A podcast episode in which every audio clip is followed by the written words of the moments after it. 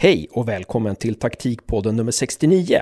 Den här podden innehåller den andra intervjun med Brede Skajem Tokvam som är en ung spännande norsk tränare med erfarenhet av Chelsea Women och Brann där han från och med 1 januari återvänder som senior och akademitränare. Jag heter Hasse Karstensen. Hoppas ni får en rolig lyssning.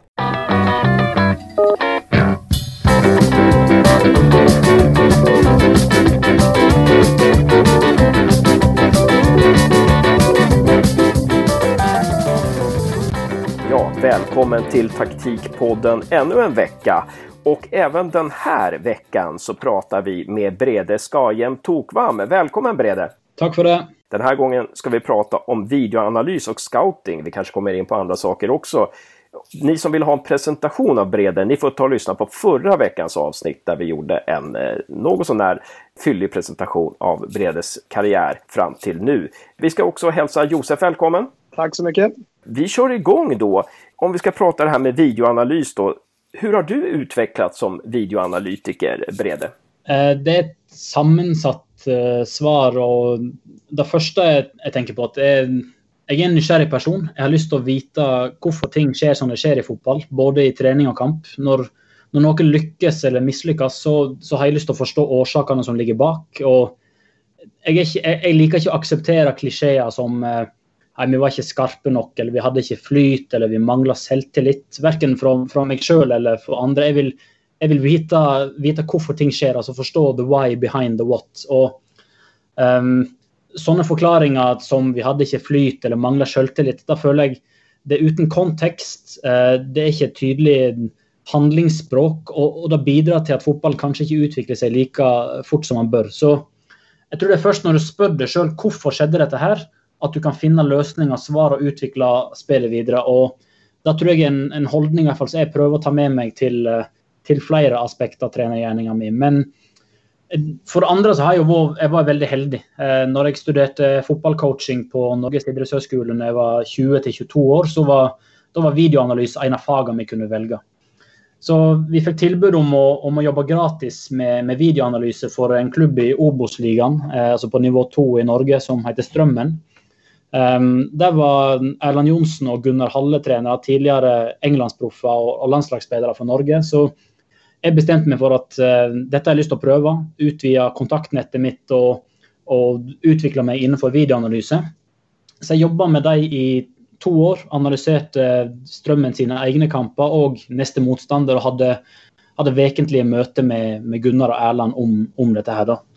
Og Det åpna døra for når, når Erland fikk jobben som um, gutte 16-17, eller de sier vel P16-17 i, i, Sverige, så, um, så ville han ha meg med inn i, inn i, teamet sitt. Og Erland har jeg veldig veldig mye å takke for. og Han ga meg veldig mye ansvar, lytta til innspill på analysene mine, tok til seg råd. Uh, og lot meg få forstå foran spillergruppa og, og trenerteamet å legge fram mine analyser, både av eh, egne lag og, og neste motstander. Så både selve analys analysejobben fikk jeg utvikla der, men òg evnen til å stå foran ei prestasjonsgruppe og prestere. Og når du står foran spillere som Erling Haaland, Kristoffer Eier og, og Sander Berge, som, som, har veldig høye krav til seg sjøl og det de skal gjennomføre, så setter det naturlige krav til jobben du sjøl legger ned òg. Så, standarden jeg satte for meg sjøl mens jeg jobba der, var, var høy. Og jeg krevde en, en god jobb av meg sjøl før jeg kunne si meg fornøyd med en analyse. Så gjennom de, de fire åra jeg var så, å få, så heldig å få jobbe med Erland på, på norske U-landslag, så, så, var det både den utviklingen gjennom bruk av teknologiske verktøy, um, men kanskje aller mest den faglige utviklingen gjennom å se veldig mye fotball og lete etter årsaker på, på hvorfor ting skjedde, og, se etter mønster i, i forsvarsspill og angrepsspill hos, hos ulike lag. Det finns ju så jättemånga ingångar på det här. Men kan man säga, vilka var de stora insikterna du gjorde då? Från det att du började lära dig videoanalys till att du presenterade, tills att du nådde en så hög nivå där du presenterade dina insikter för, för etablerade spelare. Va, vad var det du lärde? Vilka stora insikter var det du gjorde på vägen där? Jeg tror først og fremst så var det at jeg lærte meg forskjellen på å det er forskjell på å se fotball og forstå fotball. at um, det er veldig mange som ser fotball, men hvis du spør deg etterpå hva var det som skjedde, hvorfor skjedde sånn i kampen. Eh, hvorfor endrer de til Sonny-kampen? Så er det ikke sikkert de har fått det med seg engang. Altså, får du med deg at et lag eh, endrer fra fire til trebekslinje? Får du med deg at de endrer fra en flat midtbane til diamant på midten? Eh, klarer du å legge merke til hvordan de utnytter frimannen i frispilling? Altså, hvor, hvor, masse forstår du av det som faktisk skjer på, på banen? Så da først, først, og fremst tenker jeg at utvikle et, et godt og presist blikk for spillet. Um, og at jeg gikk fra å se en kamp fra en supporterståsted til å se kamp som en trener og analysere årsakene bak det som, det som skjedde på banen. Sen måste det ju vara olika med, med olika slags analyser, tänker jag. Om man analyserer motståndare inför en match eller om man analyserer sitt eget lag och sådär. Eh, man analyserer en träning du måste ju tänka ganska pedagogiskt kan jag tänka mig. För du ser ju väldigt mycket. Du gör ju många, många, när du sitter och gör en analys gör ju du väldigt många insikter. Sen ska du presentera det för en tränare eller för spelare. Eh, hur, hur, då måste du ju ta det genom ett slags filter kan jag tänka mig. Eh, hur går den processen till? det er viktig først og fremst å se på, på videoanalyse. Altså, det er ikke en erstatning for trening, men et supplement til trening. Så det skal supplere den læringa som skal skje på trening. Um, og så er det viktig, som du sier, du kan ikke ha en timelang videomøte hver dag der du sliter ut hjernen til spillere før, før trening har begynt. Men video kan forsterke læringa av, av, det du skal trene på, dersom, dersom pedagogikken din er god og, og mengden er riktig. Så det, det, kan være fem minutter video før trening der du forbereder spillerne på hva det vi skal trene på i dag. Og bruker enten video av best practice eller eget lag, eh, der du går igjennom eh, og illustrerer hva slags prinsipp du ønsker å forbedre på trening. Og så tror jeg òg at unge som, som, vokser opp i dag, og den generasjonen spillere vi, vi jobber med nå, som, som entrer slutten av tenåra og starten av 20-åra, det er nysgjerrige folk generelt som, som, krever svar og gode argument på hvorfor jeg skal gjøre sånn som treneren sier. Jeg tror den tiden er forbi der du mm. bare kan si til en spiller du skal gjøre sånn nå må du si du skal gjøre sånn, eller jeg ønsker du skal gjøre sånn fordi. Hva tenker du? Så du må, du må ha gode faglige argument bak det du sier, og, og, gi spillerne årsaker til hvorfor vi skal spille som vi gjør. For jeg tror dagens unge spillere har en bedre taktisk forståelse enn noensinne. Det er mer informasjon tilgjengelig for dem. Det finnes hundrevis av taktikkblogger og Twitter-kontoer og nettsteder som som gir deg innsikt og input på hvorfor ting skjer som det skjer i fotballen, og gir deg bedre taktisk forståelse enn de hadde før. Og jeg tror også unge spillere kan, og spillere, voksne spillere for den del, altså de kan, de kan lukte dersom du bullshitter som trener, og du ikke kan backe opp det du sier med, med gode argument. Så tror jeg òg at det, det, er viktig å skape en eierskap hos spillerne. De må eie lagets prosess. Og Det gjør det mye mer kraftfullt eh, enn dersom de kun utfører, utfører, dine valg. Og Der spiller pedagogikken og formidlingsevnen din en stor rolle. Så Eksempelvis så vil en spørrende tilnærming der du guider spillerne i en gitt retning og tvinger dem til å tenke og reflektere over ting, være mer effektiv for læring enn dersom du kun forteller dem på en instruerende militær måte hva de skal gjøre for noe. Men videoanalys, hvordan anvendes det under sesongen om man prater om periodisering da? Eh, används videoanalys under hela säsongen? Är det bra att göra det liksom vid varenda träning? Eller ska man göra det mer under vissa delar av säsongen? Hur, hur funkar det där? Det må være opp til, til hver enkelt trener og hva han ønsker. Men sånn jeg ville tenkt da, hvis, um, hvis jeg var på et lag der spillerne ikke var vant til videoanalyser i hele tatt, så ville jeg ikke begynt med én times videomøte. Eh, da ville jeg porsjonert det inn gradvis, sånn at spillerne ble vant til denne måten eh, å evaluere på, bli evaluert, ta ordet i, i plenum eh, og se seg selv på video foran andre osv. Jeg tror hvis du skal dele opp basert på en sesong, så vil jo en preseason ofte handle om å utvikle lagets eget konsept. Så videoanalyse i trening kan kanskje være viktigere enn i sesong. For i preseason skal du først og fremst utvikle ditt spillkonsept og ditt lag. Eh, mens i sesong så skal du begynne å tilpasse dette her ut fra ulike typer motstand. Så der kommer motstanderanalysen inn, inn i bildet. Men en, en, fasit på hvordan det bør gjøres, det skal ikke jeg det da skal ikke jeg stå inne for at jeg har, har, presentert. Det får være opp til hver enkelt trener. Men jeg finner i hvert fall stor verdi i å bruke video som, som et pedagogisk virkemiddel hur skilde sig att, ha, att vara videoanalytiker för ett landslag och ett klubblag? Det kommer jo litt an på om det om man jobber med spillerutvikling, jobber en med seniorfotball.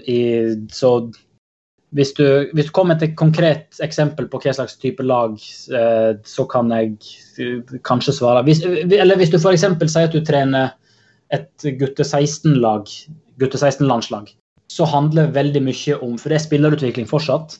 Så handler det om å lære dem å evaluere sine egne prestasjoner gjennom video trener jo et seniorlag i, i klubbfotballen f.eks., så handler det mer om resultat enn dersom du trener 16-åringer. Da vil det være retta mer mot hvordan kan vi få det beste resultatet her, heller enn kun nødvendigvis individuell evaluering av, av enkeltspillere, sånn at de skal utvikle seg mest mulig. Hvis det var svar på spørsmålet ditt, Josef. Det var et jättebra svar. Jeg tenker også på det her tekniske. Finns det et ultimat sett att filma en match eller en träning som är det rätta. Jag menar, när man spelar på helplan så kan man ju sällan filma hela planen, vilket gör att man missar kanske saker och ting som pågår där inte bollen är. Heldigvis finnes det jo noe verktøy som gjør at eh, du har flere kamera eh, som, som, filmer samtidig, sånn at du kan få fullbane, fullbanevideo. For det er, det, det er, jo det, mest frustrerende som finnes. Jeg skulle analysere en kamp eller laste ned en kamp du har sett, så du vil analysere på nytt. og så er det så mye zooming og repriser at du ser to til tre spillere hver gang, og du har ikke peiling hvordan romforholdene ser ut på resten av banen. Så det er et, det er et godt poeng. altså.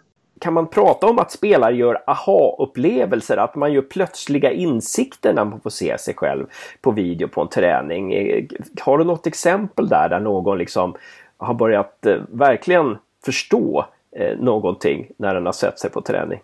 Jeg tror det er jo først og fremst lettere å få en oversikt over hvor det er rom på banen når du ser det fra et fugleperspektiv heller enn fra, eh, fra din egen persons perspektiv. Så jeg tror først og fremst spillere får en, en, annen opplevelse av tid og rom når de ser ting på video, enn det de gjør live.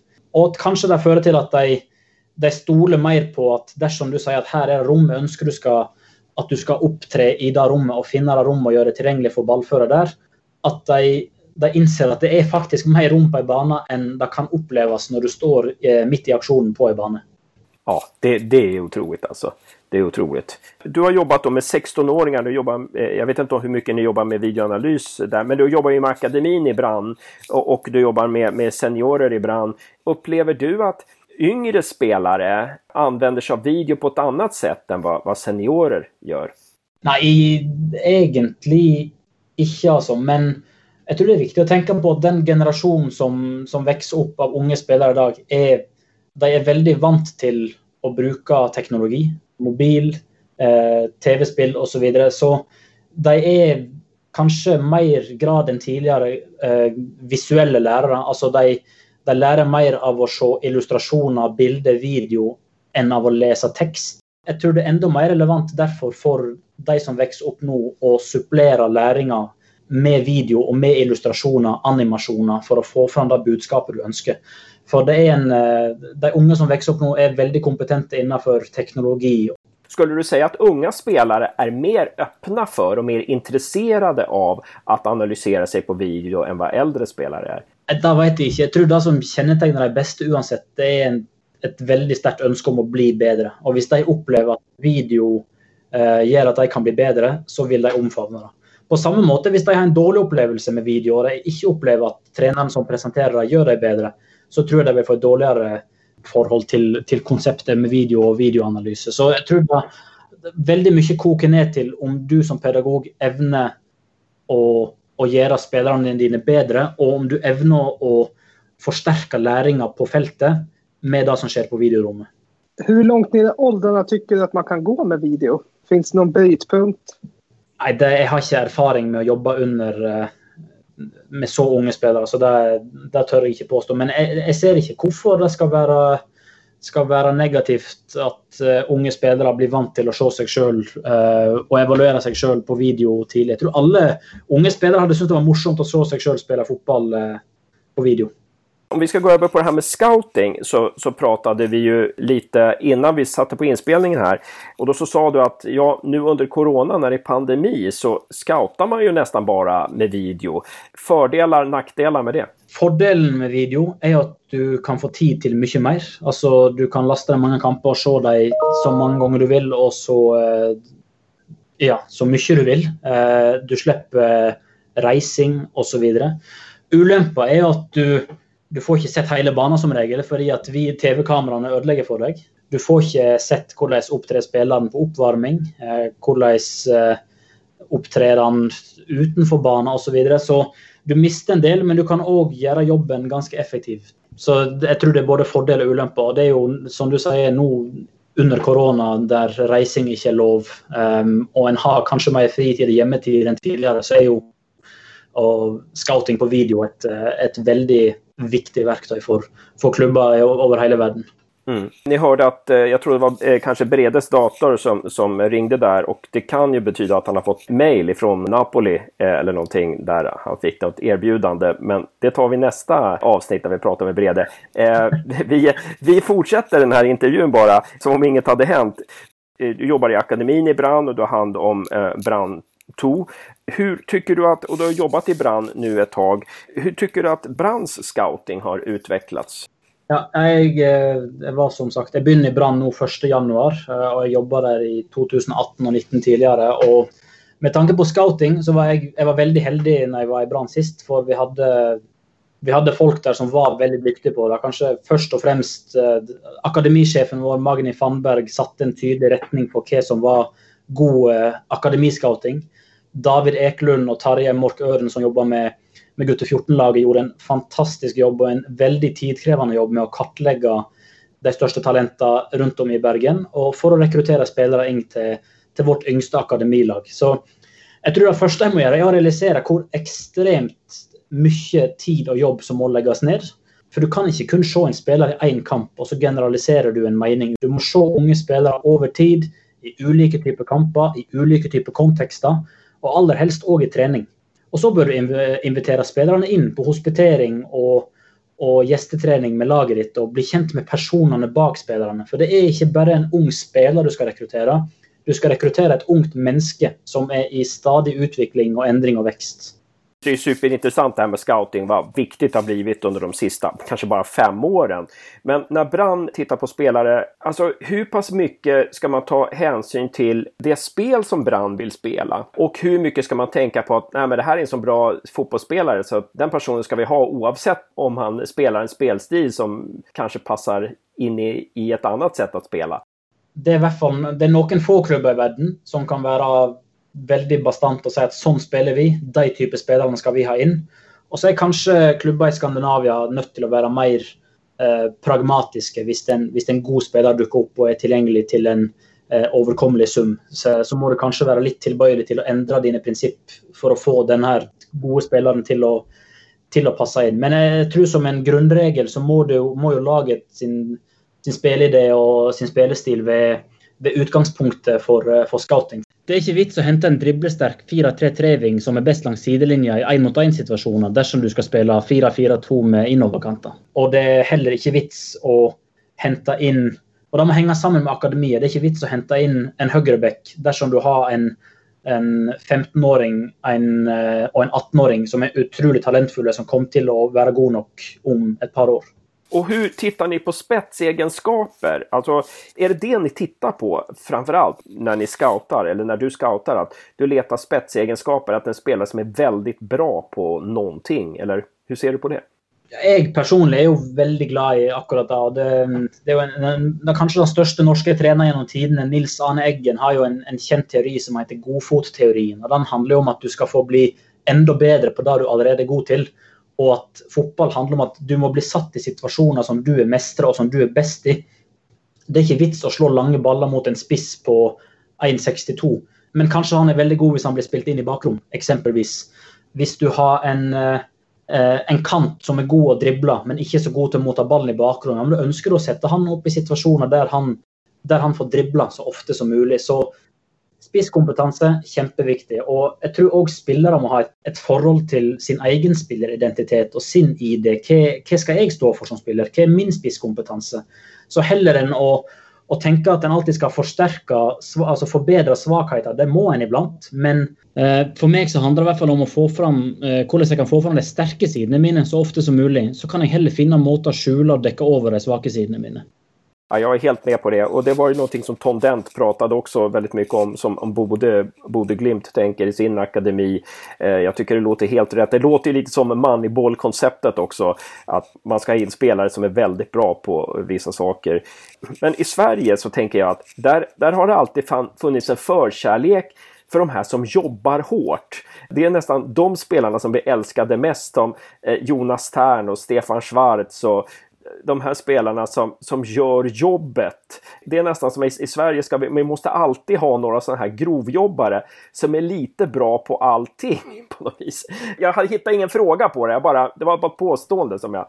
Nej, du har rätt. Jag känner mig igen i det du beskriver. Och eh, jeg vet, jeg, vet, jeg vet, ikke hvorfor det er sånn. Kan hende at uh, fordi at både Sverige og Norge ofte er underdogs og da generaliserer folk seg en mening om at du trenger en, en viss type spillere. og ja, nei, jeg, jeg vet ikke. Kanskje det er fordi at vi er fra nasjoner som tradisjonelt sett er, er dyktige utholdenhetsidretter, og som, som langrenn uh, osv. heller enn heller enn uh, intensitetsidretter som, som, fotball. Jeg vet ikke, men det, det, du skrev til meg um, hvordan har norsk scouting utvikla seg de seneste åra. Da, da dukker det opp en, en tanke. For Eh, det er jo ikke engang alle klubber som har scouter på fulltid.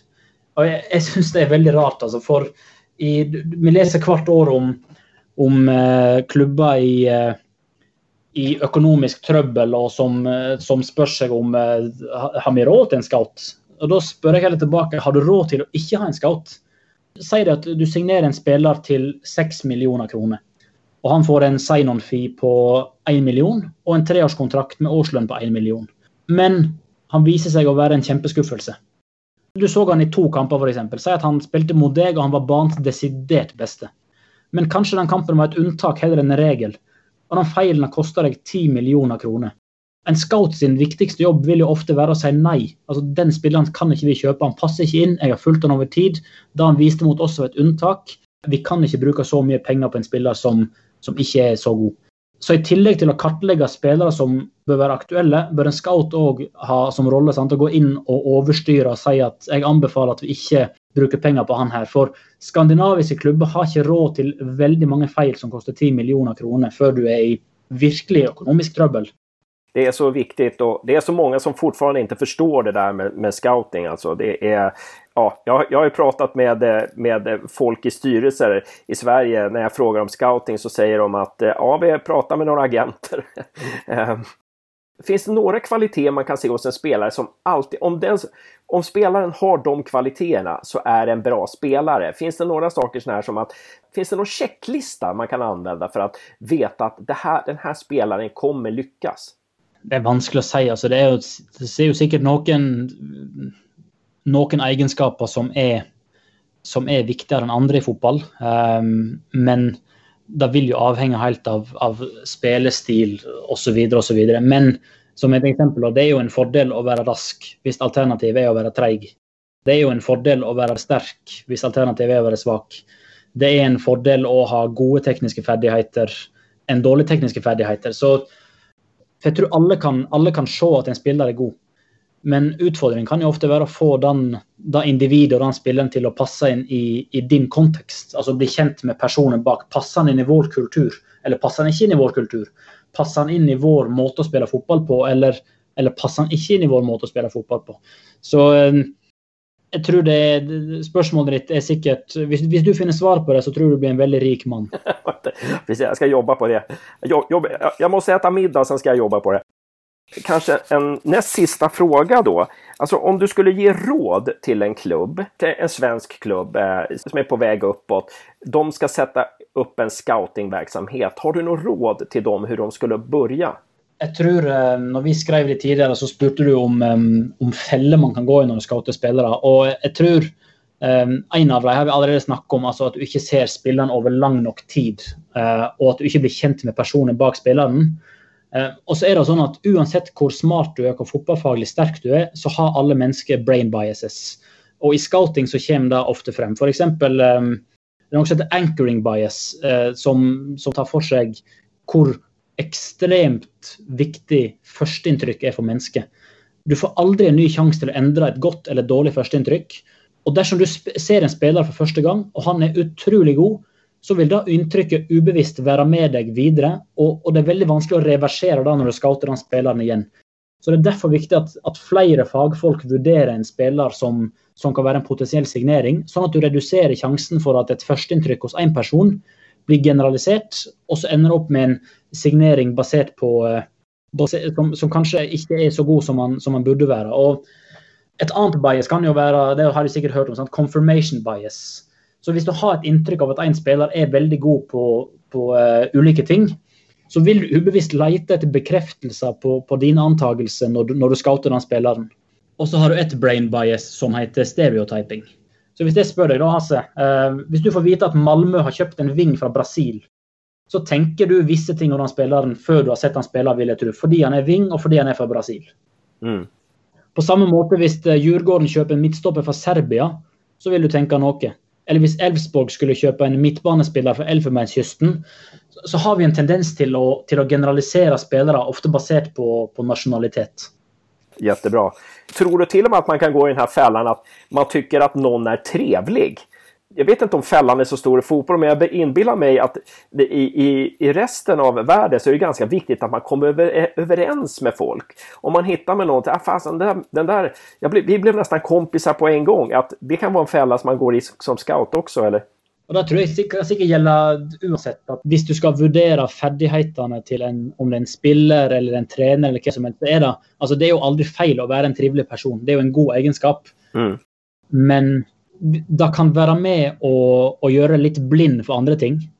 At du kan tenke at ja, ja, men han det var en jævlig trivelig fyr, så, eh, så det går fint. Altså, det, kan, det kan være med å farge inntrykk av flere aspekter av spilleren enn det som kanskje er sunt.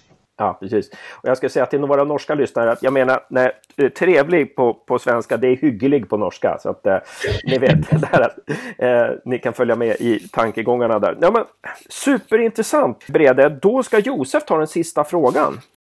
Om det fanns en tidsmaskin och du kunde gå tillbaka tio år i tiden och ta med dig en insikt eller kunskap som du har nu, som du hade behövt då, vad hade det varit?